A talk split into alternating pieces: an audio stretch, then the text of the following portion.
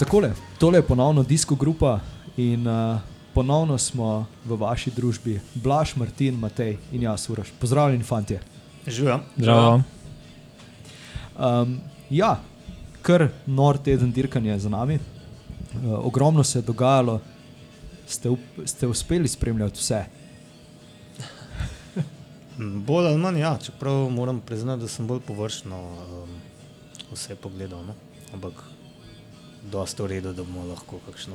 Kaj to pomeni, da si razdelili. gledal tako kot uh, televizijski dnevnik, samo v ozadju, pa ko se je uh, začel komentator uh, dret oziroma glasneje govoriti, si pogledal? Ma ne, veš kaj, jaz vse sorte počnem zraven, ne, ko gledam, kaj pospravljam. Tako kot vsi. Verjetno nisi Ali pa kuham in potem imam laptop kar na pultu, ko se klam čebulo in um, to pač to ne. Okay. Se valjda kaj zamudi, ne. Multitasking. Ja. Ja. Um, Blaž, predajam ti besedo. Uh, boš naredil en tak mali uh, oris vsega dogajanja, ki se je zgodil. Um, ja, ta teden smo imeli kar en kup enih stvari. Um, tako da mislim, da večino bomo govorili o dirki po Baski. Uh, pol pa tudi bila je še v sredo, se mi zdi, klasika Šelde pri. Da price. Šelde Price, ajde, v redu. Um, ja, pa včeraj smo imeli še Amstel Gold Race, tako da to je to, kar je na sporedu za danes. Okidoki. Uh, ja, predlagam, da začnemo kar z, kar z Šelde Priceom. Uh, zmaga Aleksandra Kristofa. Sam je rekel, da se mu je prvič zgodilo, da je zmagal iz Bega. Uh, lepa zmaga je bila tole. Mi dva sva se strinjala to z Matejem, verjamem, da sta tudi Martin in Blaž podobnega mnenja. Ja, imeli smo tudi nekaj komentarjev že med samo dirko o njegovem izgledu. Že v začetku sezone smo pokomentirali, da je precej pridobil na mišični in pa drugi masi, um, da v bistvu zdaj zgleda bolj kot kak uh, kickboxer oziroma um, mojster borilnih veščin kot pa kolesar, ampak ta zmaga iz Bega je bila, mislim, za vse kar precejšno pre, prijetno presenečenje. Uh, je pa pokazal, ja, da je mogoče celo bolj vzdržljiv kot pa nekoč. Um, mogoče ga pa pogrešamo še v tistem kakem njegovem znamenitem uh, sprintu. Um, ker tudi v, na zadnji dirki um, smo v bistvu videli, da je prišel kar relativno pozno z grupo. Um, mislim, da je bila to um, Milan Sanremo, uh, oziroma na eni, na eni od zadnjih dirk je prišel tam nekje v 20, 20 km z zadnjo grupo, um, pa pol nekako ni, ni uspel držati, ampak mislim, da bo, bo če do konca sezone kar navaden.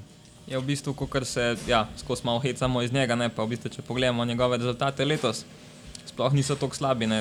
Recimo zmagal je že februarja uh, v, v Almeriji, v Španiji, um, potem je bil pa na Milan, Torino, tretji um, in pa tudi deseti na Flandriji. Uh, tako da v bistvu ima za sabo kar tako solidno sezono, um, vsaj za enkrat, ampak ja, jaz upam, da se on tudi šele ogreva. Ja, v bistvu na Flandriji je bila tista dirka, Ja, ko ja. je držal uh, Milan Sanremo, je končal 26, ampak ja, na, na Flandriji tudi v bistvu vsi komentatorji so bili precej presenečeni, kako dolgo je uspel dejansko držati tempo, tempo najboljših.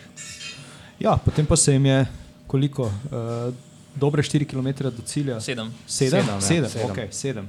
Uh, se je odpeljal ostalim, ki so, kaj bi temu rekli, v, za, v zadnjih letih je to kar neka taka stalnica, da potem tisti, ki so mogoče večji favoriti kot taki, uh, ki uh, pospeši ali pa napade, bolj varčujejo z močmi in sami sebe strelijo v koleno, kako bi temu rekli.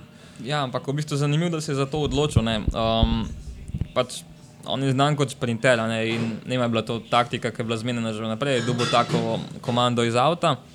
Ali pa v bistvu sam imel občutek, da je v tistem momentu to najboljša možna poteza, um, ki se mu je na koncu zelo obrestovala v sprintu. Vprašanje, če bi zmagal, tukaj je v bistvu ja, izkoristil šanso, pa tudi mogoče ostali niso pričakovali, da bo jih zdržal do konca in jih je pač na tak način presenetil in mu je latal. Ja, tam v grupi za njim sta bila v bistvu kolesarja Alpecin Feringsa, Philipsen in Merlier, tako da nekako mislim, da tega sprinta ne bi dobil, ampak ja, kolesar kot je Krištof, eh, zan- zanimivo, no še leto nazaj, mogoče nekoliko več, uh, si kaj takega ne bi niti mislili. tukaj pa je nekako poskušal uh, z nekim presenečenjem, tako kot smo rekli. Nihče si ni mislil, da bo držal sam 7 km pred ciljem, je relativno dolgo za njega, ni znan kot nek kronometrist. Uh, mogoče mu vzeti ta nova postava tudi nekoliko bolj pomaga na sami vzdržljivosti, ampak ja, uh, vidimo, da potem tisti, ki so prišli za njim, v bistvu so pobirali samo še drobtine. Se, mislim, da bi morali poudariti za začetek, da je bila to res težka in hitra dirka. Um, že, jaz sem v bistvu samo zaključek pogledal, ampak nekje vmes sem šel na Pro Cycling Stats pogledat in videl, da so že zelo zgodaj se razbili na neke uh, majhne grupe. Spredaj spet ni bilo tako ni Quick Step, karkoli že zdaj, Quick Step Alpha Vinyl. Um, Poprečna hitrost je bila 48, pa pol, ne, če se celo etapo zdaj gledam. Ja. Um, Kristofu je šlo verjetno na roko tudi to, da je bilo mraz, deževno. In v takih um, okoliščinah se zihar dobro znajde. On mirno živi v Stavangarju na Norveškem, še vedno plačuje smešno visoke davke in tam trenira. Um, Menda niti ne mara trenažerja, tako da trenira v takem obupnem vremenu v Stavangarju, kjer vem, ker sem bil tam. Uh, tam nikoli ni prav zelo mrzne, ampak ker je ob morju, ampak tudi Topel zihan. ne. nikoli pa ni prijetno, ne? ker vedno svinsko piha tam z morja in um, mislim, da se je počutil kot doma. Um, najbolj smešna, smešna sta pa spet izpadla Phoenix, uh, dvojec Melje in Philipsen, ki sta bila v bistvu dva, v grupi pa se spet, tako da že na Gent Weverga mu nista mogla zmeniti, kdo bo za koga delal na koncu. Je zaslovel samo Tim Melje, ko je šel um, z cilja kontra vsem in potem skočil na tisto ograjo, da se je izognil katastrofi. to je bilo to, kar je bilo slave za Alpecin Phoenix. Ja, meni se je zdelo uh, hecno, ne hecno. Pač zanimivo, da si ti takoj napisal, da, da ne mara trenažerja, je pa v bistvu uh, naslednji dan proslavil zmago ravno s tem, da se je vozil na valjih doma. V, v Aha, ja, to pa mislim, se je zagotovo se kdaj usede tudi na ja, ampak valje, kdo še voz valje. Piščaši, Očitno, Očitno.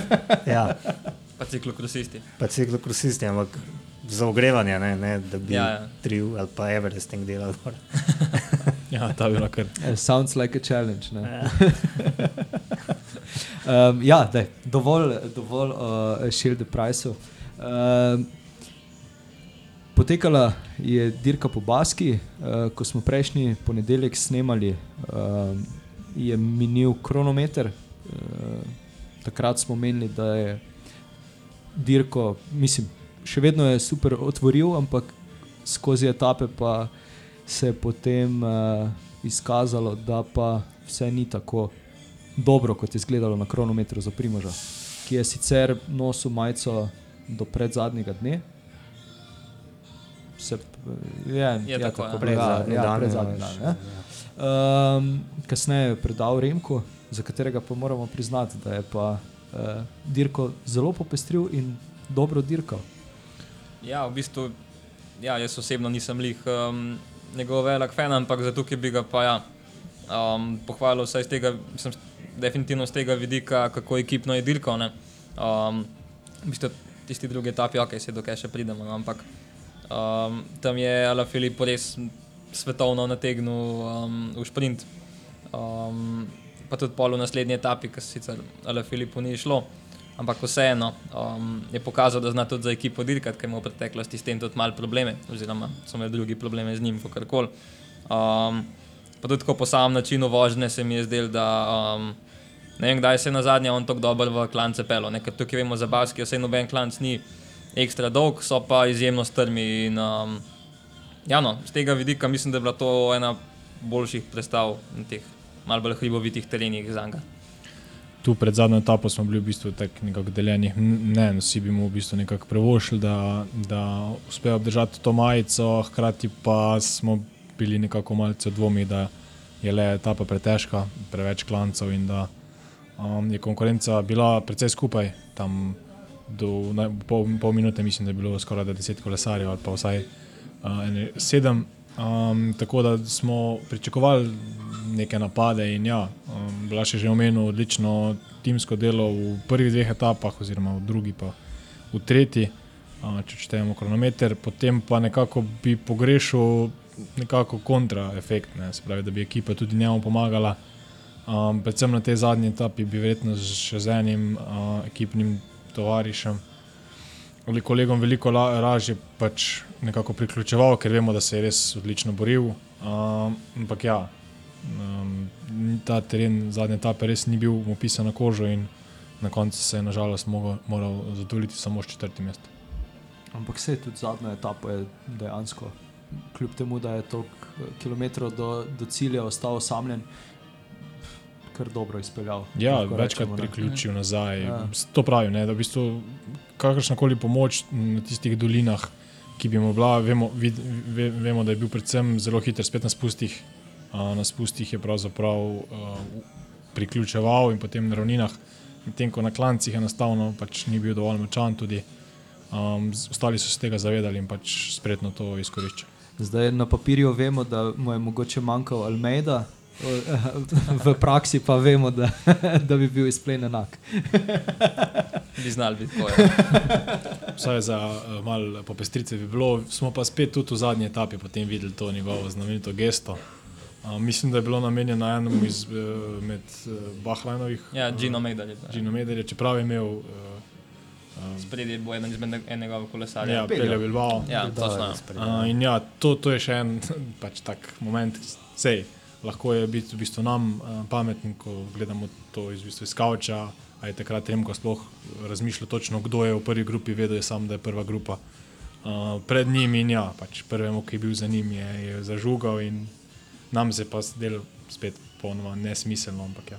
No, se jaz mislim, da bi vsak probal mečkan spodbuditi ostale, da poskus, da ne vleče malo pritiskati. Plus, jaz mislim, da je takrat res kar um, očitno Gino Meder um, Štopal je grupa. štopal, Ja. mislim, da je dejansko nehal gond, no, ko že malo preveč očitno vse skupaj izpadlo. Um, Ampak to smo že malo pokomentirali, to Remkovo način dirkanja. On je res mogoče iz teh mladinskih vrst navaden prelahkega dirkanja. In ko se enkrat začne taktiziranje, se mi zdi, da takoj nekako izgubi živce in pozabi, kaj je glavni namen, da tudi v bistvu te njegove poteze nekako od, njega zahtevajo neko energijo. in Nekako moral bo sprejeti, pač gremo, mogoče z kakšno lepšo besedo, koga spodbuditi, hkrati pa začeti iskati neke zaveznike, ker vedno vemo, da v takšni skupini, kot je potem recimo nastala, zadaj se vedno najde kdo, ki pač bi imel tudi kaj za pridobiti. ne. In na tisto karto treba igrati. Um, tu bi pogrešal mogoče tudi nekoliko uh, kakšnega um, nasveta iz avta. Tam so le nekoliko bolj hladne glave, tam lahko vidijo na hitro, kdo je v tej grupi, kdo ima uh, kaj za pridobiti. In pač ne vem, reči Remko, pojdi do tega, pa tega in nekako skupaj uh, poskusite. Ne. To je nekako moje mnenje, da, da nekako se, se bolj taktično loči, lotiš tudi uh, lova, kot je bil ta. Je pa dejstvo, da je imel majico, da mu nihče ne bo zdaj odnesel vseh menjav, ampak že enega zaveznika v taki grupi. Pa v saj- ni. tam je bila kombinacija taka, da mu nobeno bo šel pomagati. Plus on je tako močen, smo videli, se praktično sam vse potegnil zraven in vsi so to, na to računali. ne. Tudi jaz kar malo sprašujem, če bi imel kakšnega ekipnega kolega, mislim, ko bi mu pa lahko bil v pomoč dejansko. Ne? Mm. Se skoraj nihče ni imel več ekipnega kolega, so bolj ali manj Ja. ostali po enem. ne. Um, imel je pa srečo, no, takrat, če smo zdaj v tej šesti etapi, uh, da, da je Daniel Martinez, tistem, po mojem, da je on opadcev, ker je padel ja. Enrik Mas, ostal zadaj in najbrž počakal, ali se govel, se ne vem. Um, Da, da, da mu je pomagal. Sicer vprašanje, če bi sploh zraven prišel. Remko, ne. Sama prednost je bila v bistvu dosti majhna in takrat je verjetno ravno ja. dovolj bilo, da se je v tistem vinku, kjer je padel mas, um, Martinez nekoliko samo ustavil, zadaj so pač spet iz, uh, Remko zagotovo z uh, ogromno hitrostjo lovil in ja, uh, naredila se je luknja in tako kot si rekel, tam pa sta imela v bistvu oba dva um, interes in tak, tak, tam se pa je videlo, da dejansko oba dva složno menjata in takoj smo videli um, priključitev, tako da ja, mogoče, mogoče bi že prej um, bil njegov boj obsoden na propad, če, če se ne bi zgodil tisti padec. Uh, ja, zdaj od začetka dalje smo mogoče več pričakovali uh, od Jumbo Visme, katerega ekipa, katere ekipa se je uh, potem, kaj lahko rečemo, zelo slabo vozila. Večino časa sta bila Jonas in Primoš osamljena jezdeca, vsake toliko se je zraven pojavil kus, uh, ki pa tudi kaj dosti uh, od sebe ni dal. No če, če lahko tako rečemo. Zdaj, če pogledamo celotno dirko. Um, Daniel Martinez, mislim, Ineos je tukaj dirkal zelo, zelo dobro, kar smo mogoče zdaj zadnja dva meseca jim učitali, da jim nič ne gre, zdaj v tem tednu pa se jim kar, uh, so se jim kar stvari poklopile. In, uh, So, ne, ne bomo zdaj govorili o kak, kakršnem koli reševanju sezone, ampak so, so vseeno uh, ta pomladni del uh, zaenkrat uh, popravili vtis. No. To je bila celo njihova prva zmaga, se mi Ja. zdi, na dirki po Baski. Um, mogoče tudi s svojim načinom dirkanja niso najbolj primerni za to dirko, ki je tako eksplozivna, težko postaviš nek vlak, ampak to, kar ti je šlo. ne. Um, Geraint Tomas je odlično s- dolgo že nismo videli tako dobrega. Um, pa spet ima tiste špegle, ne? Yep. bele ovkli, ki jih je že Ja, za ja. trening eh, zamenjal, ampak jih je k sreči nazaj v furo. Tako da ga lažje prepoznamo. Mislim, da je to zdaj že njegov zaščitni znak in da zdaj ne more voziti karkoli drugega. ne. Ja, tako, tako, vsaj na derkah ne. Um, tako da, ja, res so navdušili, medtem ko Roglič, pa ne vem, se ni imel tisto najmočnejše ekipe, ne, zraven. Um, Gotovo, s- pač ni bilo um, Valtova Nerta in Roana Denisa, ki bi tistem na začetku na klancu upravljala levi delež dela do, ne vem, do tam, kjer do zadnjih kilometrov praktično. Ne. Um, s tem, da najbrž ne vem, če bi sploh vse kusje držal. Ne vem, kje se je on zgubljal. Vse posod. Ja, prehi, predvsej prehiter, v bistvu sk- skoraj na televiziji nismo videli. Enkrat je bil v begu, pa potem tiste iste etape ni končal. Oziroma je bil za časovnim limitom, se ne vem, možno da bi Zadnja etapa je za časovnim limitom. A zadnja je bila ja, ja, ja, za časovnim zadnja, limitom, no, kakorkoli. Um, ni bilo to tone, ampak že lani se mi zdi, da ni bil v najboljši formi. Uh, Čez pomlad in je. je potem nekje sredi tura se zbudil. Tako da se ne bi preveč bal. No, zanj. Ja, velja pa omeniti, no, pač spet uh, nekoliko rumenih medijev, oziroma niti to niso. No, to so zanimive statistike, da je to v bistvu Ineosova prva zmaga po štirih letih na dirki, kjer sta bodi si Primož, bodi si uh, Tadej. Nekako tudi to je nek, uh, um, vsaj tedenski. No.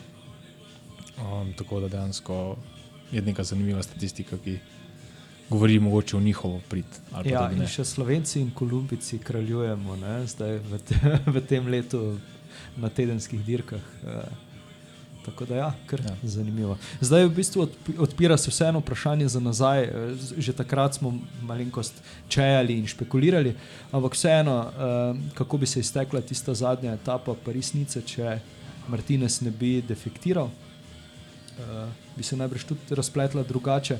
Eh, tukaj pa ja, z- na kronometru ni preveč zaostal, eh, pa potem skozi pametno vozil. No. Eh, tako da ja.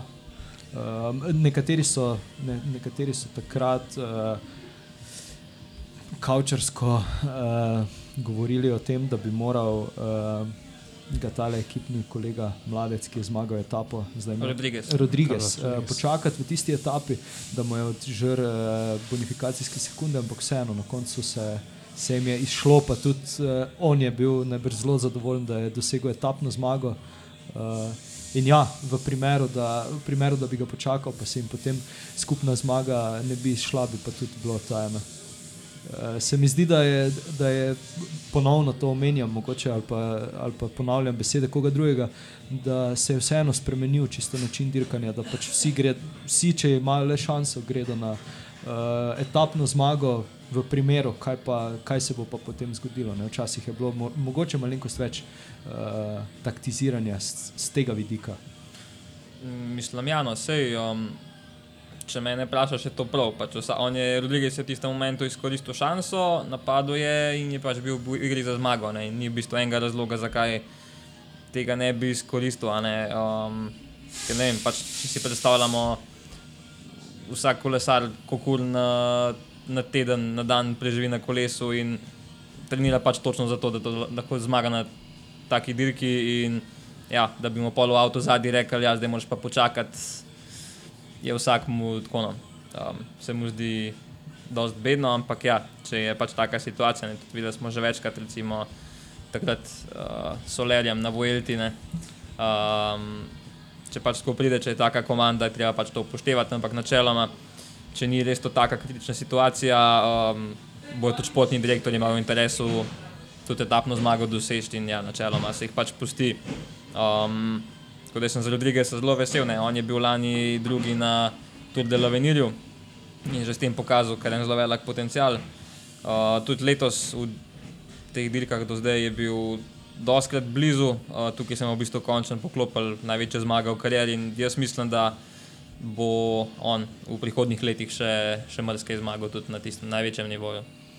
Ja, in tudi uh, Daniela Martineza uh, se daje nekako uh, vedno bolj uh, napovedujejo za proti kandidata Primožem Tadejo na dirki po Franciji. Ja, jaz mislim, da zaenkrat je on največji potencial Lineosa, ki ga trenutno imajo, no, kar pa.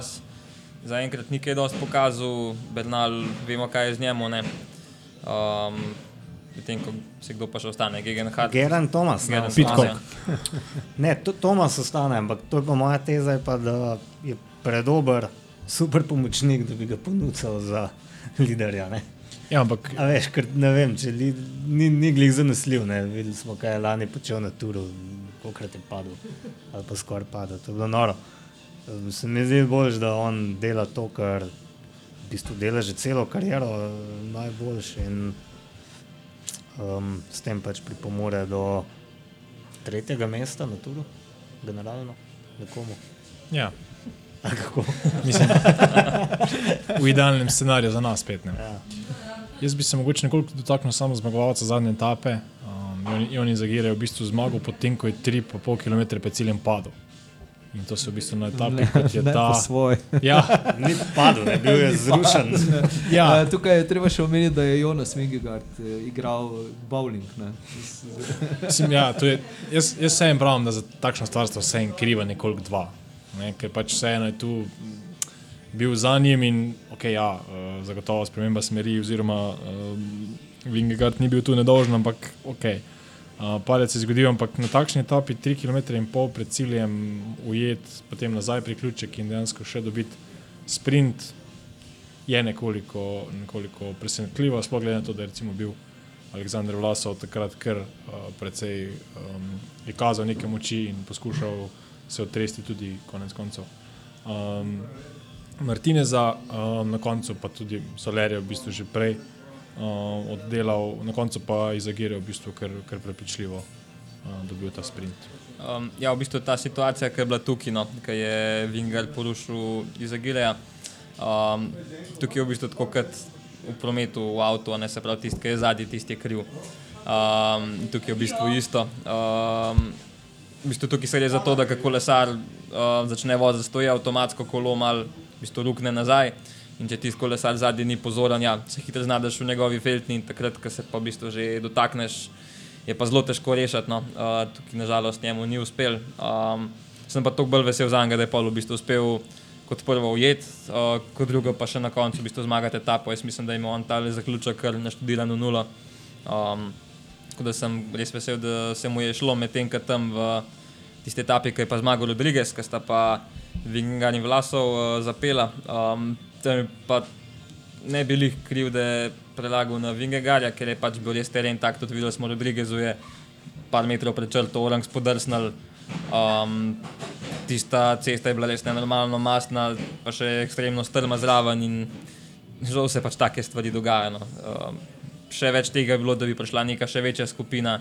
Um, tam bi bil še večji problem, ker bi pol se, kar, mislim, da kup naredil, oziroma bi kar večja skupina kolesarjev šla pol uh, peš do cilja. Je zdaj Matej bo najbrž malo zavil z očmi, ko bom to rekel, ampak vseeno, eh, dejansko ti baski res, ko, eh, mislim, ko smo videli tiste množice ob cesti, pa baskovske kolesarje, mislim, vozijo kot, kot da vozijo eno predstavo više na teh dirkah. No, kaj jaz vem, ali se sam meni zdi. Ja, kar očitno, ne, ker um, Izagira ni bil edini, ki se je čudežno preslikal um, v spredje. To je bila etapa, ki si za pol minute stran pogledal, pa ti ni bilo jasno, kaj se je vmes zgodilo. Uh, tudi Pejo Bilbao ne, je spustil, ja. odpadel in se na spustu preslikal v spredje. Se pravi, mogoče če imam uh, evene pula nekje na lepem, bil spredaj in potem delno najbrž on povzročil padec Enrika Masa, ne da bi sploh prišlo do stika, ker je šel prehiter in Mas, vemo, je obupen spustaš, se za njim pač ulegel. Za, za njim pa še slabši, ne, Martinez. Ja, ja. Je tukaj bilo vprašanje, ali ja. je res zadnji vstal zaradi tega palca. Ja, palca tle, pa- zdaj ne vemo, ne, Ja. kaj je bilo. Ja. Um, Ja, to- ampak vsekakor je pa pač Pejo Bilbao šel tam noro in um, pač seveda gotovo pomaga, da ceste na pamet poznajo fanti, ker baske je vendarle mehna in najbrž tam trenirajo do otroštva. ne. Um, vsi pa pravijo, da je to ena najbolj norih derkne. Pač, kar se tiče gledalcev, navijačev, prav imamo, po mojem, vem, Flandrijo pa Baskijo. Bolj norih navijačev ne more biti. Ne. Ja, v bistvu te baskovske zastave zelo velikrat vidimo tudi na drugih dirkah, tudi na Tulu jih je res en kup. Um, tako da mislim, da domačim kolesarjem to res da neko dodatno energijo. Um, tudi, ja, Pilo Bilbao, kot smo rekli, na izvrsten spotaž, pa poleg tega je še tretjo etapo zmagal in ne samo, da je zmagal, treba je tudi pogledati, kaj je vse prej delo. Napadlo je že v bistvu, um, koliko je ne 5 km do cilja na, na uspon, pa so ga ujeli, pa je pol probo še enkrat 2 km pa pol do cilja, pa so ga spet ujeli. In pol na koncu je v bistvu še um, izkoristil to, da je Filip začel ti sprint uh, nekoliko zgodaj, da se mu v bistvu zadnji moment uh, prikradel mem in je uh, zmagal etapo. In vem, no, za njega, za ta kolesarja, moraš biti pa res vesel, ker ne zmaga lih pogosto, skozi je nekje zraven, ali pač generalno ali v etapah je tam 10, ampak zmaga pa res ne velikrat in jaz mu tole zmago mu res prvoščam. Absolutno. absolutno. Um, ja, uh, tole samo še rečem z moje strani.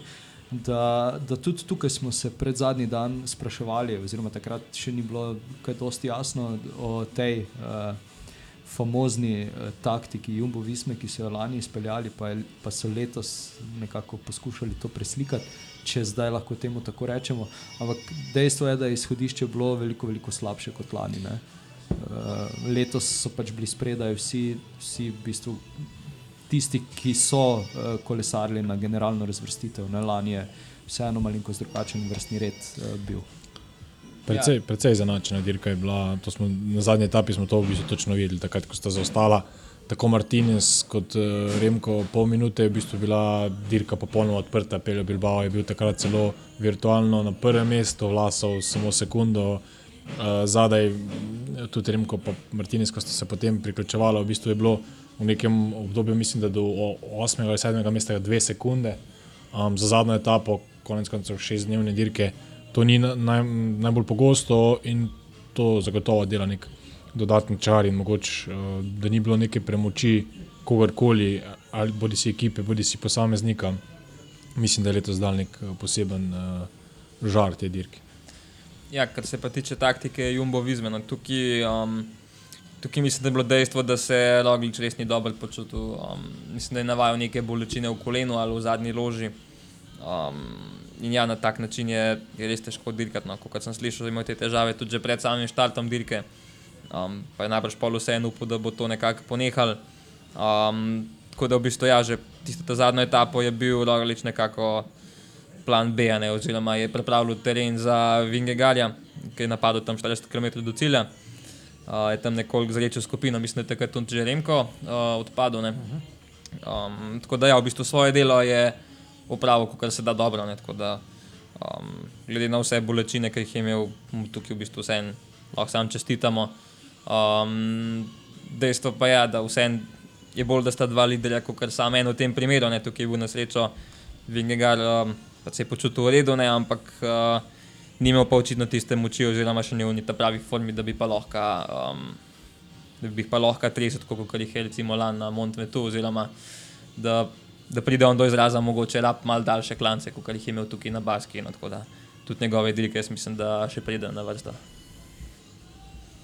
Ok, še, še kaj dodamo k uh, Iculi oziroma dirki po Baski. Jaz mislim, da je Blaž kar lepo zaključil to je misel. Uh, jaz bom to, ta, ta del samo izkoristil za to, da um, pove, povemo pa povem, da bomo ponovno v nedeljo napovedovali pravilnega zmagovalca uh, dirke Pariru B. Uh, in ja, sodelujte, morda uh, pravilno napoveste tistega, ki bo zmagal, in uh, si prislužite nagrado. Uh, za vse, ki pa ne želite na tak način sodelovati, pa seveda vabljeni uh, v coffee shop na, uh, na coffeeright.com, uh, kjer si lahko. Uh, Kakšno stvar kupite ali pa nas podprete. Ravno danes eh, preizkušamo novo opremo, ki smo jo skupaj z vašo pomočjo eh, oziroma z vašimi donacijami eh, kupili. Tako da še enkrat hvala vsem. Um, ja, včeraj pa potem uh, Amstel Gold Race, Divja liga. Ja, mene je najbolj presenetilo to, da, um, da sem šele par dni nazaj izvedel, da je Amstel Gold Race v bistvu potekal že to nedeljo, ker ponavadi mislim, da je bila en teden po Robeju. Tako. Tako da to me je. Predsedniške volitve. Aha, ja, ja, Volili tako, so predsednika, Točno, Francozi saj res je. in se jim ne se ljubi še s Pariz Robe ukvarjati. Svet se drugače vrti. Ne bi noben šel voditi najbrž. Ja. Ne bi niti mogel priti tja, moje. A se ne vem, kako sem lahko to pozabil reči. Pardon, preden nadaljujemo. Torej, uh, jaz jo sicer že imam oblečeno, fantje, so, uh, fantje jih, jih imajo tukaj na mizah, uh, majice, nekaj drugega. Uh, uh, ja, ponovno eh, smo štartali z, z serijo majic. Letos eh, bodo to klasike in pa Grand Touri in pa seveda dirka po Sloveniji. Uh, tako da ja, kmalo uh, vse bomo to objavili, pa se pokazali z majicami. Tako da ja. gremo dalje na Amsterdam Gold Race. Ja, v bistvu zanimivo, zanimivo dirkanje. Vemo, da je to res dirka, ki je večkrat govorimo, zanimivo od začetka do konca. Um, tukaj tudi, tudi tokrat ni ra- razočarala in nekako že v napovednikih, pa v vseh teh zadevah se je govorilo o tem, uh, vendar pol proti vsem ostalim. In res nekaj podobnega smo sicer videli. Vendar pol je v bistvu, vsaj po mojem mnenju, večina dirke nekako bil ne najboljši, tudi komentatorja sta skozi nekako ga odpisovala, češ da res ne zgleda najbolje, pa ga hkrati več čas omenjala kot pajače, pa lahko kdo to slabo formo premaga, pa to on. Um, potem pa ja, mislim, da v stopu v zadnji krok, pa potem v bistvu um, nekako pospeševanje Kvetkovskega, uh, ki si je privozil kar, neki, kar lepo prednost. Mm, Za njim je potem se naredila nekoliko večja skupina in takrat se je že ugibal, kdo iz te grupe bi v bistvu sploh lahko nekako skočil, brez da ga recimo pokrijejo. Um, meni je tam bil najbolj nekako uh, možen Aleksandr Kamp iz ekipe Texega Freda, nekako najbolj uh, se vozil v zadju. Bil neviden in za njega sem bil prepričan, da če bo skočil, ga recimo ne bodo pokrivali. Uh, skočil je pa Benoit Kroznefroa, um, priključil Kvetkovskemu in skupaj sta kar, kar dober del oddelala. Um, proti zaključku pa nekako Kvetkovski uh, tudi izmislil, da ima v grupi zadaj uh, Toma Pitkoka, da pač lahko igra ekipa Ineos na, na več kart. Um, nekoliko uh, taktično se postavil za Koznefroja in potem ti zadnji kilometr um, se zapeljal v zadju in potem pa, ja, potem pa eden boljših sprintov v zadnjem času, um, ki je epilog dobil pravzaprav po moje kar krepko pet minut po koncu same dirke. Um, pravi epilog, kajti uh, prvi, prvi rezultati niso bili očitno pravilni, kajti Koznefrova se je že veselil, Kvetkovski bil v bistvu na robu soza, um, potem pa nekako preobrat in uh, šele z posnetkov fotofiniša dejansko vidimo, da je pač par centimetrov Kvetkovski uh, realno dlje porinil kolo, kajti ko z Nefrova smo videli, da je bil v bistvu čisto krčen, medtem ko je pač Kvetkovski klub svoj neravno uh, zavidljivi višini in vseeno uspel res se stegnati in nekako biti bit prvi in ja, kar in oso ni uspelo lani, predlani, je uspel letos. Jaz se sprašujem, če so lani uh, odpustili uh, tiste, ki so skrbeli za fotofiniš, pa so letos najeli nove, pa jih mogli ponovno odpustiti. Ne? Zaradi tega, ker pač to, mislim, že, že lani je bilo to. Uh, Letos saj nismo spremljali posnetkov, ko uh, kamerman snema ja, na telefonu fotofiniš. Letos smo saj imeli mi ja. uh, iz doma iz Kauča pač realen fotofiniš in ne nekega komisarja, ki kaže kolego telefon. Jaz, jaz sem lani z Ivo Rilovičem posnel ravno etapo, mislim, etapo, epizodo na to temo, ravno zaradi te dirke, uh, o fotofinišu. Zdaj, uh, kolikor je uspel Ivo tam razložiti, je vse skupaj zelo transparentno, kar pa, kar pa je tukaj, ne vem, ne vem kaj so ustvarjali. No, Benoako z Nefroje je dejansko dobil po radiju sporočilo, da je zmagal dirko, ko še ni bilo nič kaj odločenega. Zdaj ne vem, kdo je tukaj zafrknil, ampak nekdo je pač face to face zafrknil. Tudi foto, fotofiniš, po mojem mnenju ni bil. Mislim, videli smo že bolj. Uh, Dobro, vse boljše je bil kot lanski. Ja, bil je, bil je, to je prvo. Uh, ampak eh, se mi zdi, da ko smo videli fotofiniš, ni bilo dileme.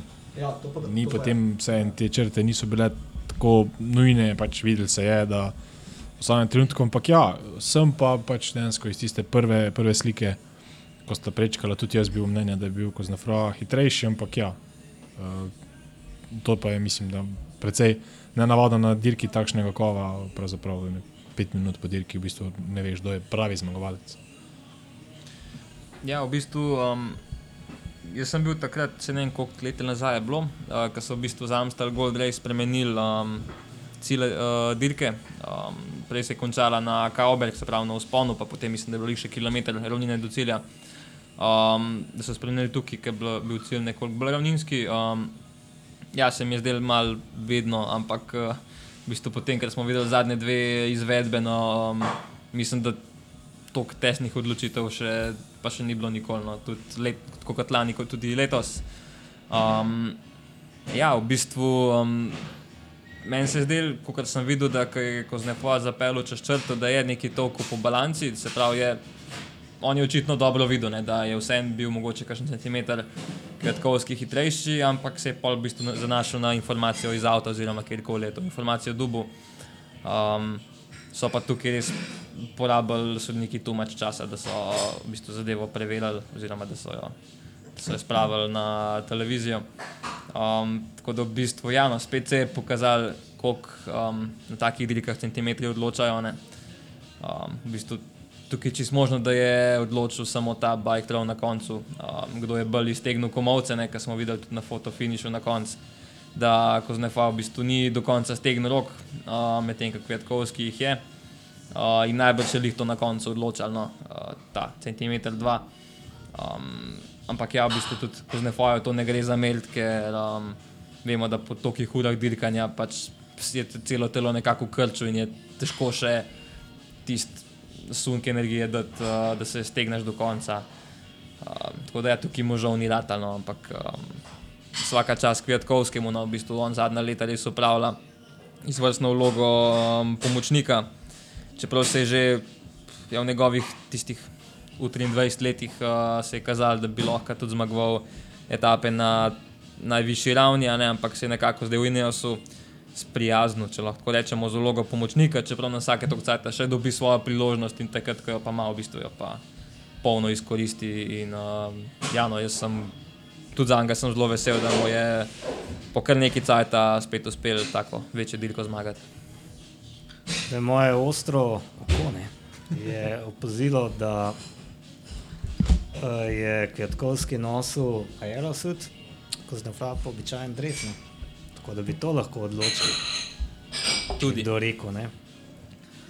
Ampak se mi zdi, da vsem boš biti lep, kot pa voziti v aerodresu. To- Ja, boš rekel, da je aerodres zgubiti. zgubiti ali kaj. Ne, aerodres, res. To pa zdaj že cel let gledam.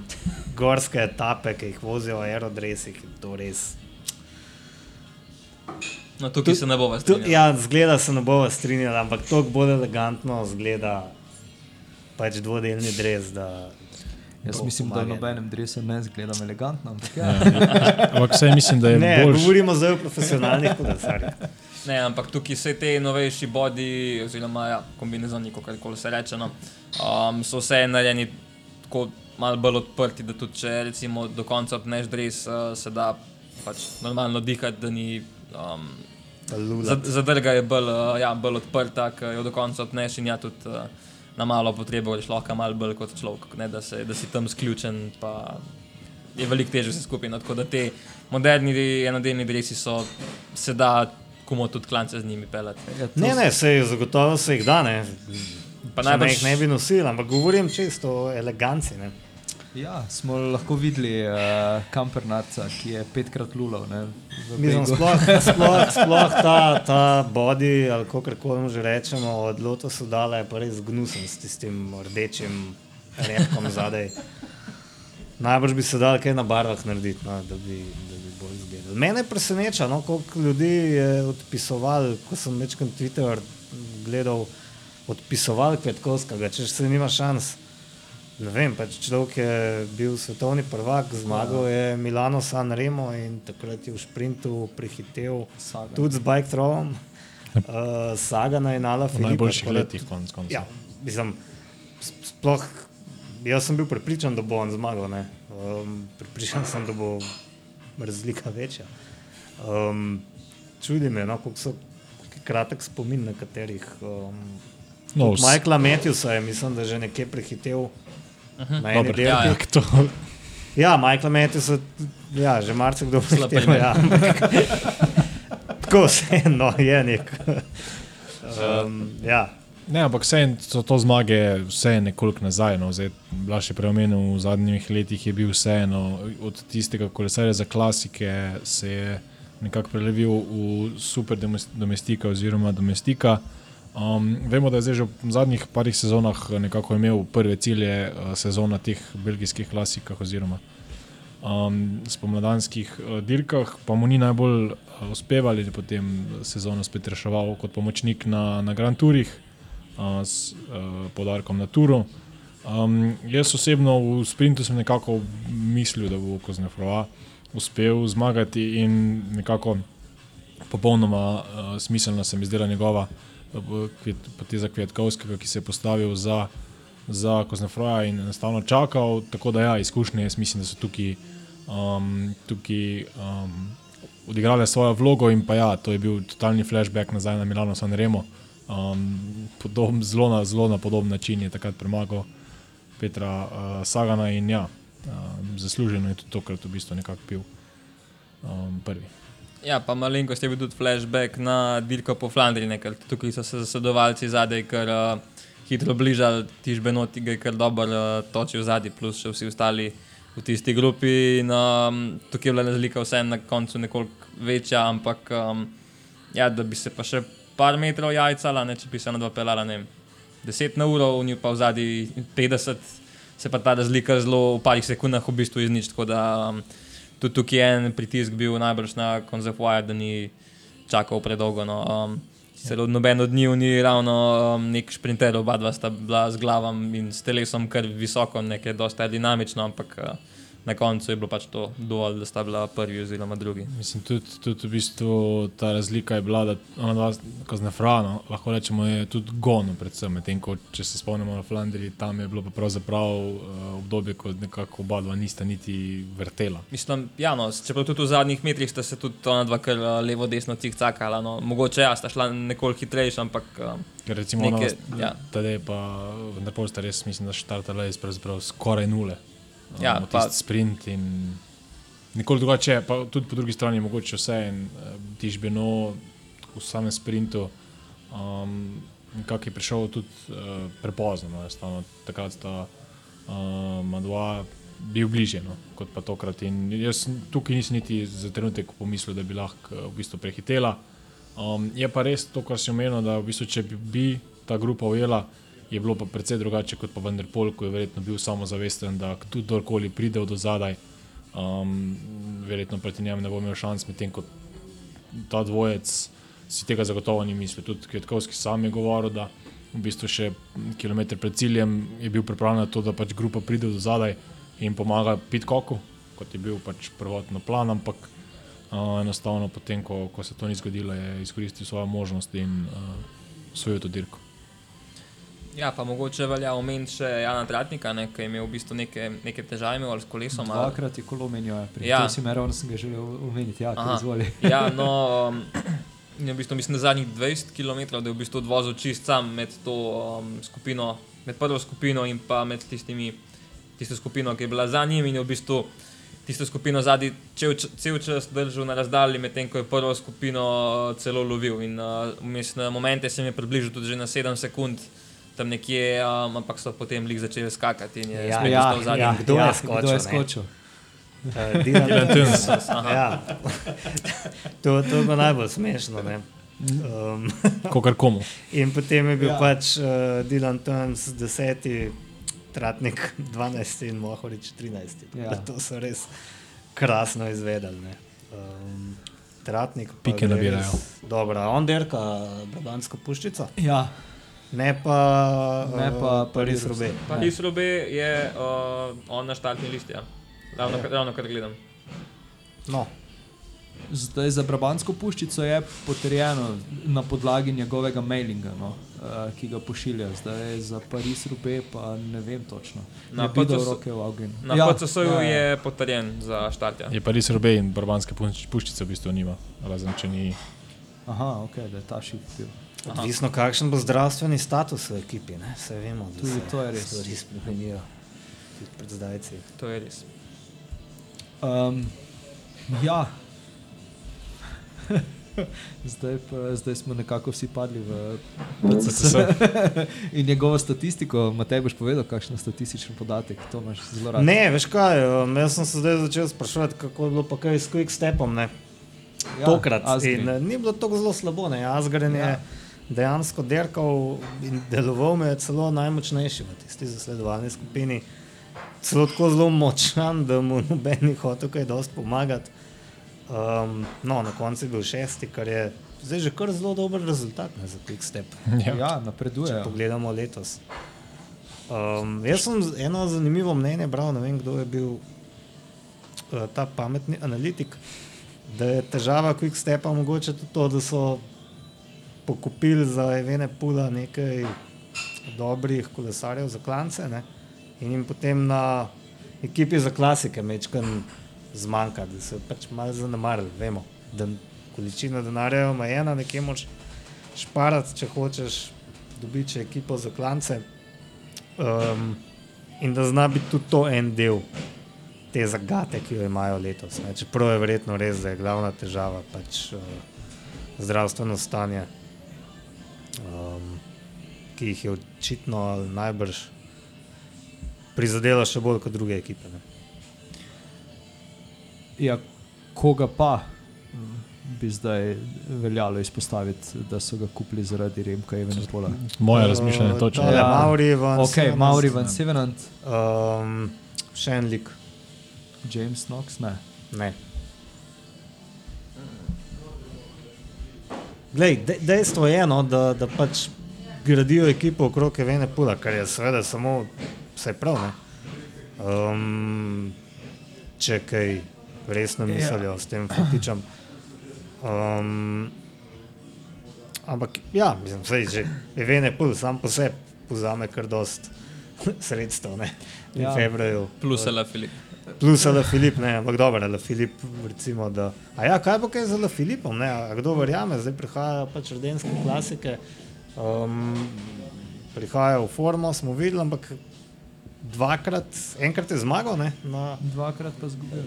dirki po basket, dvakrat pa zgubil, ne, tako da mogoče meni vse ne deluje kot nekdo, ki ima skoraj že v žepu valonsko puščico in lež baston lež, Ja, jaz, ki ga je enkrat že imel v žepu.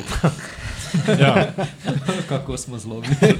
ja, jaz na njega, pa ja, zdaj najbolj bolj kontra, kot kar jaz rečem, ampak na njega jaz ne bi um, računal, no, kljub temu, ja, da je Ok, ta Filip zmaga. ja, Ja, zdaj, grem staviti, da bo tako. Ja. Ampak um, ja, se je ta po je zmagal, dvakrat je bil drugi, uh, da je na Baski, ampak to je še zmeraj neka skupina, mislim, ok, je bila neka um, zrečena skupina na koncu za finiš, ampak um, tam bojo pa v bistvu vsi. Drugačna situacija bo, no, tukaj niso, ni imel upravka z nekimi hudimi šprinterji na koncu, ampak v bistvu je šprintov več ali manj s hribolasti, ki so pač preživeli čez klance uh, skupaj z njim in uh, mislim, da bo tukaj um, na teh uh, naslednjih dirkah situacija malo drugačna. Jaz osebno na njega ne računam, ampak ja, lahko pa še zmeraj presenet, ker pač po njemu nikoli ne veš. Tudi za svetovnega lani ni noben pričakoval praktično, da bo zmagal. No. res je, ja. opisati ga definitivno ne Jaz smemo. bom zdaj pa tu sem uh, uh, eno kontra uh, mnenje, ne na Ala Filipa, ampak na Remka dal. Kaj pa, če bi mogoče si Remko poiskal kako drugo ekipo, pa bi Quickstep ostal v teh uh, njihovih tirnicah ekipe, ki je spe, specializirana za klasike. Katera ekipa bi bila po tvoje primerna, da bi sprejela nekoga? Ne Bora. vem, mo mogoče, mogoče Ineos. Kaj pa vem, ne vem, na Da bi- pamet govorim. Je ne z Belgica vzel. Ineos sem, bral sem ene govorice, da Ineos uh, razmišlja o Grmaju. Sicer ja, ne vem, kako je to uradno, ampak uh, zanimivo. No. Mislim, zanimivo, da glede na to, da on verjetno ne bo kolesar za generalno in nas nekako morda prepušča No. primat in se osredotoča na druge cilje. Ja, niti ne, ne, Ja, niti ne, zdaj ne. To, kar je včeraj Kvetkovski naredil. Pa glede na to, da spit kokom. dobro. Ja. No, ampak pravim, da Oni prepu- imajo vrhunsko ekipo zdaj za klasike. Jaz še vedno trdim, da je mogoče skoraj boljša kot za etapne dirke. Ne? Oziroma, skoraj ja. lažje zmagajo na klasikah kot na etapnih dirkah, kjer vedno fašajo Pogačarja ali pa Rogliča, ne, če mu pač gre, ker mu zdaj ni šlo, ampak načeloma mu gre. Um, tako da pač tudi na Amstel Gold Race je bil Ineos, po mojem, daleč najbolj opazen. Ne. Pecini Fenixi so sicer vse čas vlekali v začetni fazi, ampak ko je začel pokati, Ja, jih ni bilo nikjer. Ne. tudi Ineos pa, dva kolesarja v bistvu v zaključku. Ne? Dva Ja. kolesarja v zaključku, edini. Ja. Um, ampak ja, tu sem prav mislil, no, da bi se primat eh, trotedenski dirk, ker vemo, da v pač, preteklosti, če se obrnemo dve, tri leta nazaj, um, so v bistvu bili dominantni in ja, zdaj nekako trotedenske dirke um, prepustili ostalim, pa mogoče nekako svoj fokus obrnili nekoliko drugo, drugam. Ne. Tudi, ne vem, potem, če bodo se sredotočili na to, tudi nekako Gianni Moscon, saj za moje pojme, na kakšni od klasik lahko nevar. Ja, zdaj, da, da, še, da še mogoče to temo odpremo in kar hitro zapremo. Uh, um, poškodba Primoža, ga pričakujemo na, na klasikah, ki jih je napovedal. Ali, Ja, jaz bi bil presenečen, če pride na Valonsko puščico in Amstel Gold Race. No. Um, mislim, če ima res neko težavo, namreč bolj, da to reši, kot da se tam svalka nekje v, v Ja. ozadju, pa si mogoče še malo samozavest načne zaradi tega. No. Ja, jaz Ne vem, mislim, mislim, da nima smisla. No. Tudi, ne vem, koliko je imel sploh smisel, da se je trudil do konca voziti tole baske v redu. Delo je za um, tega danca, Vingegaard, Vingegarda. Um, Ampak je potem grizel, ne, zadnjo etapo, verjetno kar do filtra, ne do konca. Ne vem, če bo to nujno v tem stanju, ampak ja, pač tak je. Ne, ne, ne da ga kritiziram, ne, bog ne da. Všeč mi je, da je borc, ampak um, ne, vse ne vemo, ne, kaj je v resnici z njim. Mislim, tudi to, da ga neka mišica za kolenom boli, je rekel, ki, ki je tam kakšna mišica.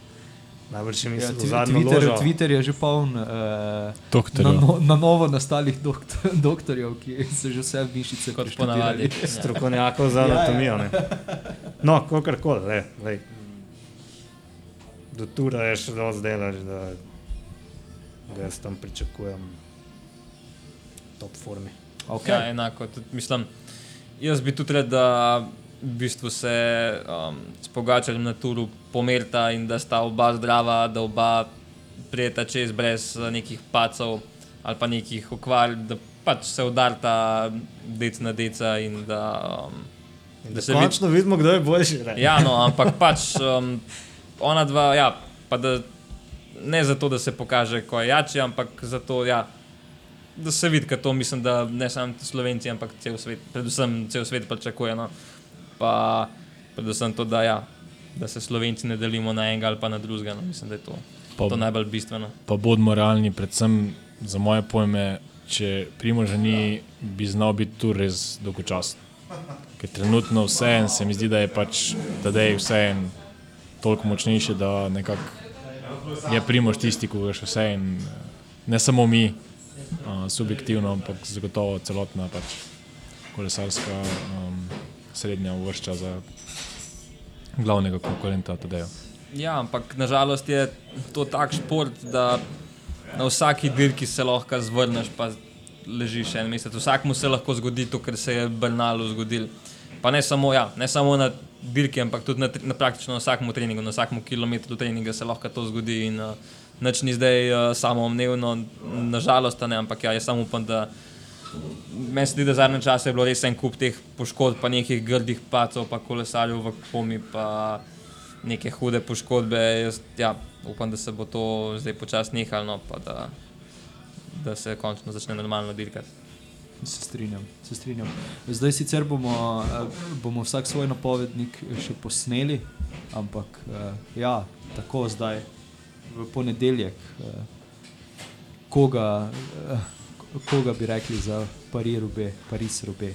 Jaz sem drzan in um, mogoče bom celo napovedal, potem za res, ampak res me zanima, kaj bo s Filipom Ganom, ki se pa je zdaj pripravlja na velodromu na Paris-Robe, kar je kar hecno. Ampak tam A ne pač. ve, da je samo en krog. Ja, dobro. Pa da je treba do tja prije, da tam ne Dobro, štartajo. Ja, dobro. Ampak lahko je pa odločila. ne? Ja, to, to je tudi res. Um, tam pač posnema neke te efforte, ki, ki, ki jih bo deležen na, na derki. Ampak tako me. Je, on je res kolesar, ki je lahko dober tudi na takih klasikah, ne, in še posebej na Paris Robe. Um, Vse sem gledal, on je to derkal že enkrat, pa je bil za noč, ampak takrat še ni bil tako kolesar kot je zdaj. In če se znajde na tlakovcih, ne vidim nobenega razloga, zakaj se ne bi tam vsem odpeljal in pač zmagal. Okay. Ni pa to napoved, ne. Ja, ja, ja, Samo razumem, razumem. Sej, sej, mogoče sej, sej. želja. Sej, Mogoče sej. želja. Uh, ja, no, jaz tudi lih, um, da bi bil tako samozavesten, da bi tega kolesarja napovedal, ne bi bil, ampak bi pa res, res rad videl, da bi zmagal in to je Nils Polit, ker je bil že takrat zelo blizu, tisto leto mislim, da je Paul Žilber zmagal, ne, če se prav spomnim. Tako. Um, no, in ne vem, tak kolesar mi je, ker v sprintih pač nima šanse, ne, ker ni, mu ne gre uh, pač fiziologija na, na roko.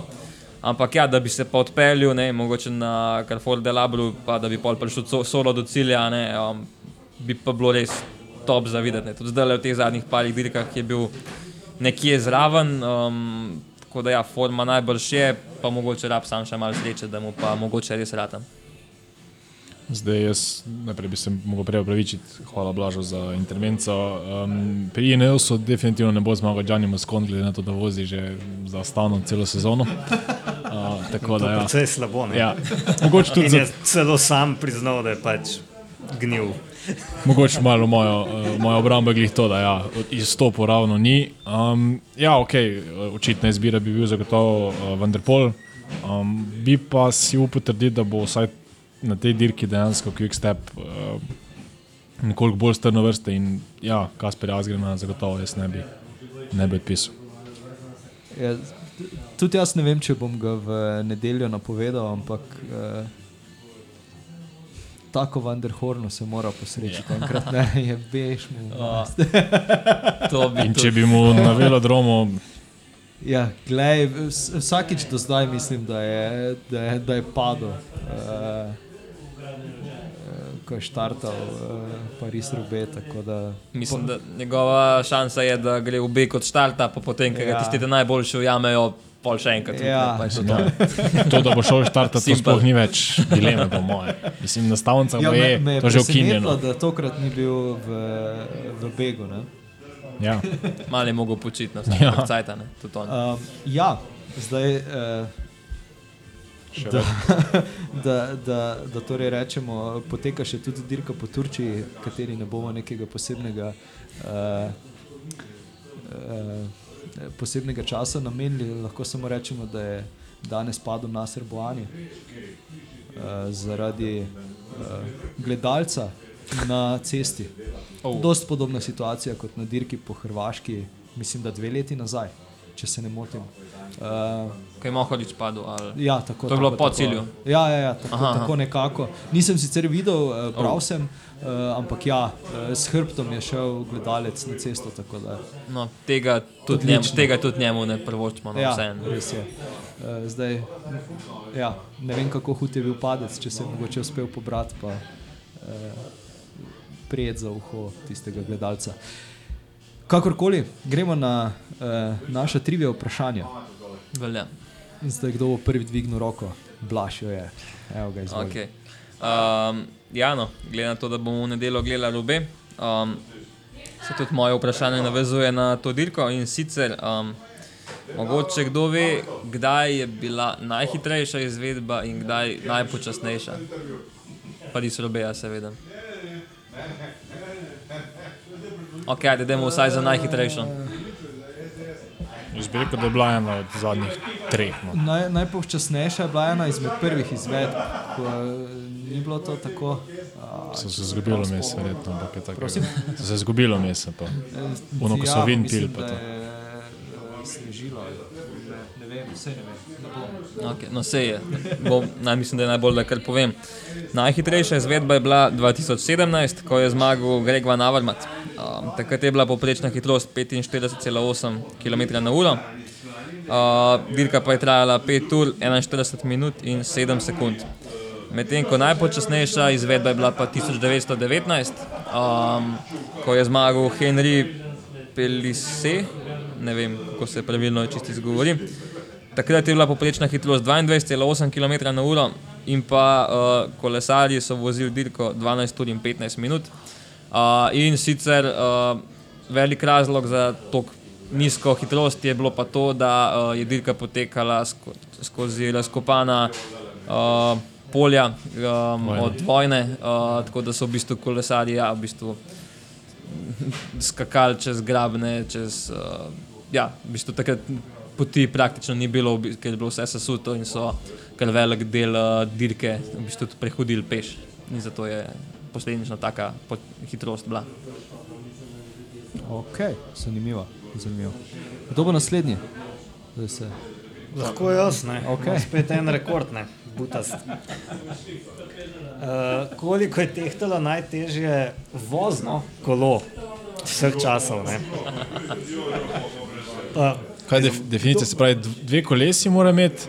je kolo tako kot A ni, a ni tisto jih poznamo, naj, ne. najtežje bilo od zadnjič, ko si ga imel, ko je tudi obenem bilo Največje. največje. Ne, ne, tisto je bilo, imelo samo največja kolesa ne, in je tehtalo 150 kg. Zdaj je bil kašen kinil. Ja, Uh, tono ali ta, je, ta je pa precej težji bil. Ne, da, na koliko. kjer, ja, ne boste niti ugibali. Ne, 1385 kg. Tono. Uh, v Guinnessovi knjigi rekordov piše tudi, da je bilo dolgo 283 cm, visoko 180 cm, široko 135 um, Jaz sem si sliko pogledal, uh, kolesi sta v bistvu betonski ali pa sta mogoče mlinska kamna. Aha, torej Flintstones kolo. Ja, v bistvu, ja. Samo so ogromno. gumo na, na, na vil, uh, bicikl ima dva sedeža in pomožni kolesci. Ne? Tako da bistvu niti ni, to je kot za otroška kolesa. Ampak kak je to vozno, mene zanima. Koliko ljudi to je se da, ne, za tega sicer ne vem, ampak prejšnji je imel pa nekih 850 kg in so ga vozili, kakšnih 5 km na uro. Ampak pet ljudi. Ne, Ja, ne, pa 1000 to, vatov. ta, to, to, to je izvedel nek Litvanec, Annas Kontrimas leta 2016. Mislim, da je treba 100 metrov prevoziti, da zadeva velja za vozno. Um, še ena zanimivost je, da ta gospod Kontrimas drži tudi rekord. Uh, to so te ljudje, ki pač To delajo. razne debilne rekorde postavljajo. Um, drži rekord v kako naj temu rečem, um, v dvigu z brado, ne? najtežjega možnega bremena. Ne? Človek ima neko tako dolgo brado, spet v čop. Um, in leta 2013 je nekje v Turčiji, v neki zabavni oddaji, dvignil uh, voditeljico iz turškega šova, za katero smo izvedeli, da je imela 63,80 kg. Spravi več kot 65, ker malo se je slagala. In... Ne, mislim, da to gine skoraj natančno izmerjeno. Tako da, ja. Zanimivo. To so te ljudje. Koga od nas bi lahko ti poskusil svojo brado dvigniti, pa mislim, da Ne moreš jo obesti, ker je prekratka. Se ne moreš obesti gor. malo, Lahko probamo. ko si jo še pustiš. Se Ne vem, to že vrat mora biti močan. Ne? Ja, Cel cel moraš biti cel de- trup, dec. ja. ne. Tukaj ni ta zgadeca. Ok, Martin, izvoli. Um, jaz sem si pogledal nekoliko pred uh, dirko Paris B, vemo, da je tudi konec koncev pneumatiki oziroma gume bodo igrale ključno vlogo, kajti na vseh klasikah vemo, da je to, uh, ko se vozijo po kockah na B, pa še to nekoliko bolj. Pogledal sem si zadnjih deset izvedb uh, in me zanima, katera, kateri proizvajalec pneumatik je v bistvu največkrat slavil. Oziroma, Vitorija. Ja, Jaz bi tudi Vitorijo rekel, ampak pa brez veze. Zdaj, Vitorija, je Continental. zma- Vitorija je zmagala dvakrat, Continental dvakrat. Čakaj, uh, ne, jaz bi pa rekel uh, uh, specialized. In to je prav odgovor, ker v bistvu ekipa Quickstep je v zadnjih letih zmagala tri, trikrat, poleg tega še Sagan z Boro in ja, Specialized štirikrat, uh, potem Continental uh, lansko leto in pa leta 2017 uh, z Gregom Avermatom oziroma uh, uh, potem pa Continental, ne, uh, Orika in pa potem Vitorija. Uh, Greg Van Avermaet in pa uh, John Degenkolb. Tako da v bistvu pravzaprav Specialized štirikrat, Continental in Vitorija dvakrat, potem pa so še po enkrat uh, zmagali Švabe uh, in pa potem za zadnji dve izvedbi pa pravzaprav na PCC-ju že ni več teh podatkov. Je pa lani je imel Kolbreli skoraj zihar Vitorijo. Kabahra, ne, Continental. Continental. Ja, po PCS je imel- Aha, ok. Continental vozi. Ja. Ja, Aha, ok, ok. ja, ja. Pa še grozno zadovoljni sem. Mislim, da bomo mi. Jaz sem tudi zadovoljen s specialized.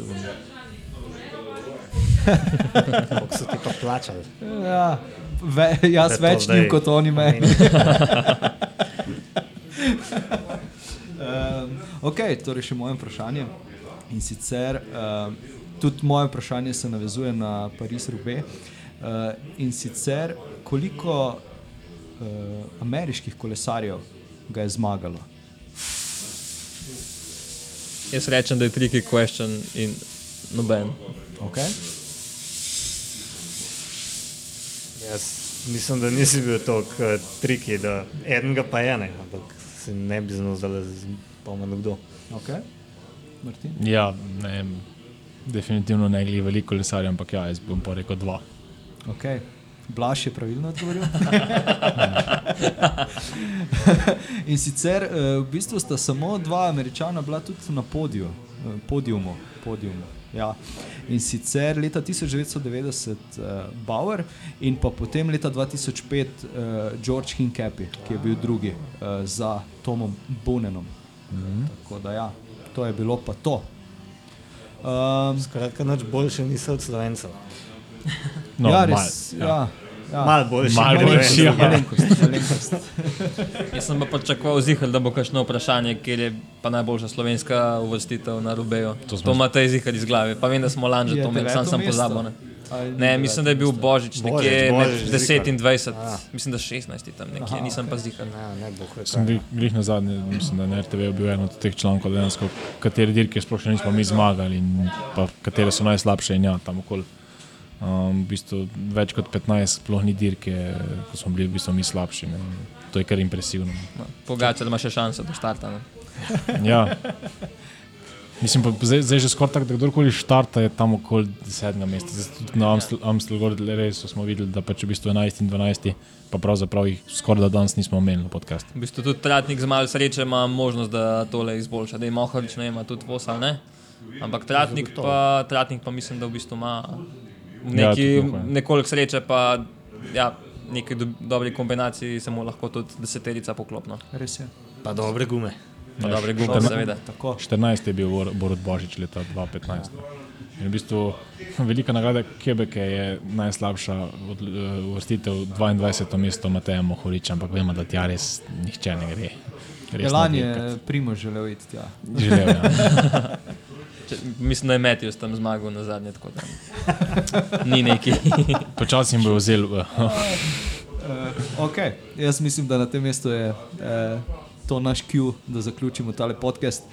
Um, ja, se slišimo ponovno naslednji teden, no, ko bomo vedeli, kdo je eh, zmagovalec eh, Paris Rubeja. Čau vsem, adijo. Adijo. Srečno. Adijo, čau.